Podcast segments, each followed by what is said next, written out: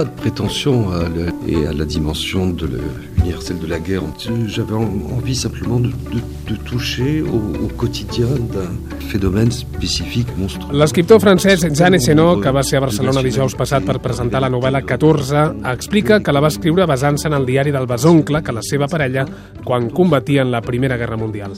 L'autor, però, adverteix que es tracta de ficció, un relat de només un centenar de pàgines, ple de detalls, on es reviu tot l'horror de la Gran Guerra des de la perspectiva quotidiana d'un combatent anònim. Un relat de com de fàcil resulta que el món de cada dia desaparegui per sempre per deixar pas a l'infern. 14 de Jean Echenot està editada en català per Raig Verd i en castellà per Anagrama. Ens ho explica l'Anna Cortades amb el muntatge de Salva Pou.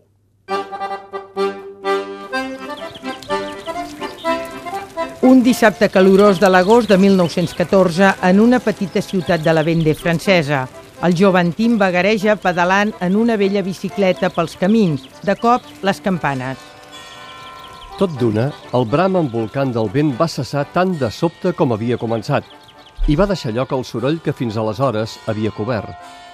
En realitat eren les campanes, que s'havien posat en dansa al cim d'aquells campanars i sonaven a l'uníson en un desordre greu, amenaçador i feixuc. S'ha acabat la pau. Ha començat la mobilització per la guerra. La gent surt de les cases, els homes estan neguitosos. Poc després, l'Antim, els seus tres grans amics i el seu germà Charles desfilen orgullosos abans de marxar al front. Ningú pensa en la mort. Tothom diu que la batalla no durarà ni dos mesos. Va ser més aviat alegre la desfilada. Tots ben tibats dintre de l'uniforme feien un esforç per mirar recte endavant. El 93è va travessar el passeig i després els grans carrers de la ciutat, a banda i banda dels quals s'apilonava la població, que no va mirar prim a l'hora d'aclamar-los, llançar flors i animar-los. I de cop, l'Antim i els seus amics són el 93 Regiment d'Infanteria. La promesa de Charles fa servir les seves influències perquè li donin una millor destinació. La guerra es va convertint d'un joc en una cosa més fosca, però encara ningú pensa en la mort.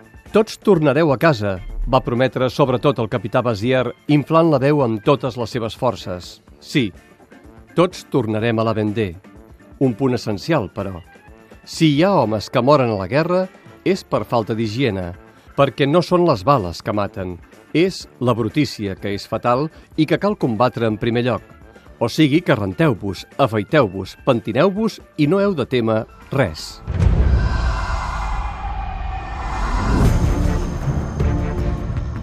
La guerra són primer petits detalls. Gent que en els primers dies ofereix vi i menjar als soldats. Animals que omplen les granges encara pròsperes. Tot plegat es converteix en cellers buits, pobles abandonats, animals morts i, finalment, cadàvers humans. Aquesta carretera, al descobert i ben localitzada per l'artilleria contrària, situada darrere dels arbres, constituïa, en efecte, un blanc sense cap mena de protecció. De seguida, no gaire lluny d'Antim, van començar a caure homes. A ell li va semblar que veia brollar dos o tres raigs de sang, però se'ls va treure del cap amb decisió. I finalment la brutícia, l'espant i la mort, molt, molt a la vora d'Antim. Va ser en aquell moment que, després dels tres primers obusos, que havien caigut massa lluny i havien esclatat inútilment més enllà de les línies, un quart artefacte de 105, més ben dirigit, va produir més bons resultats a la trinxera. Després de partir l'ordenança del capità en sis trossos, la metralla va decapitar un oficial d'enllaç. Va clavar amb ossis pel plexe en un puntal de la galeria. Va destrossar uns quants soldats de diverses maneres i va seccionar longitudinalment el cos d'un caçador explorador.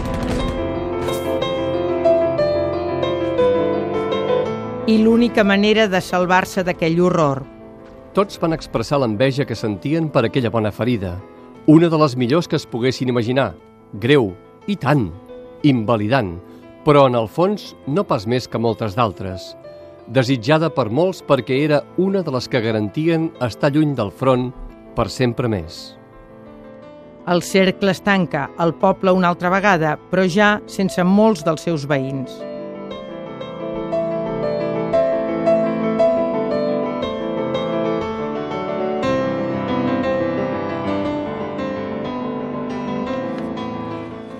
Doncs la novel·la es diu 14, el seu autor és l'escriptor francès Jean Echenot i està editada per Raig Verd i també per Anagrama.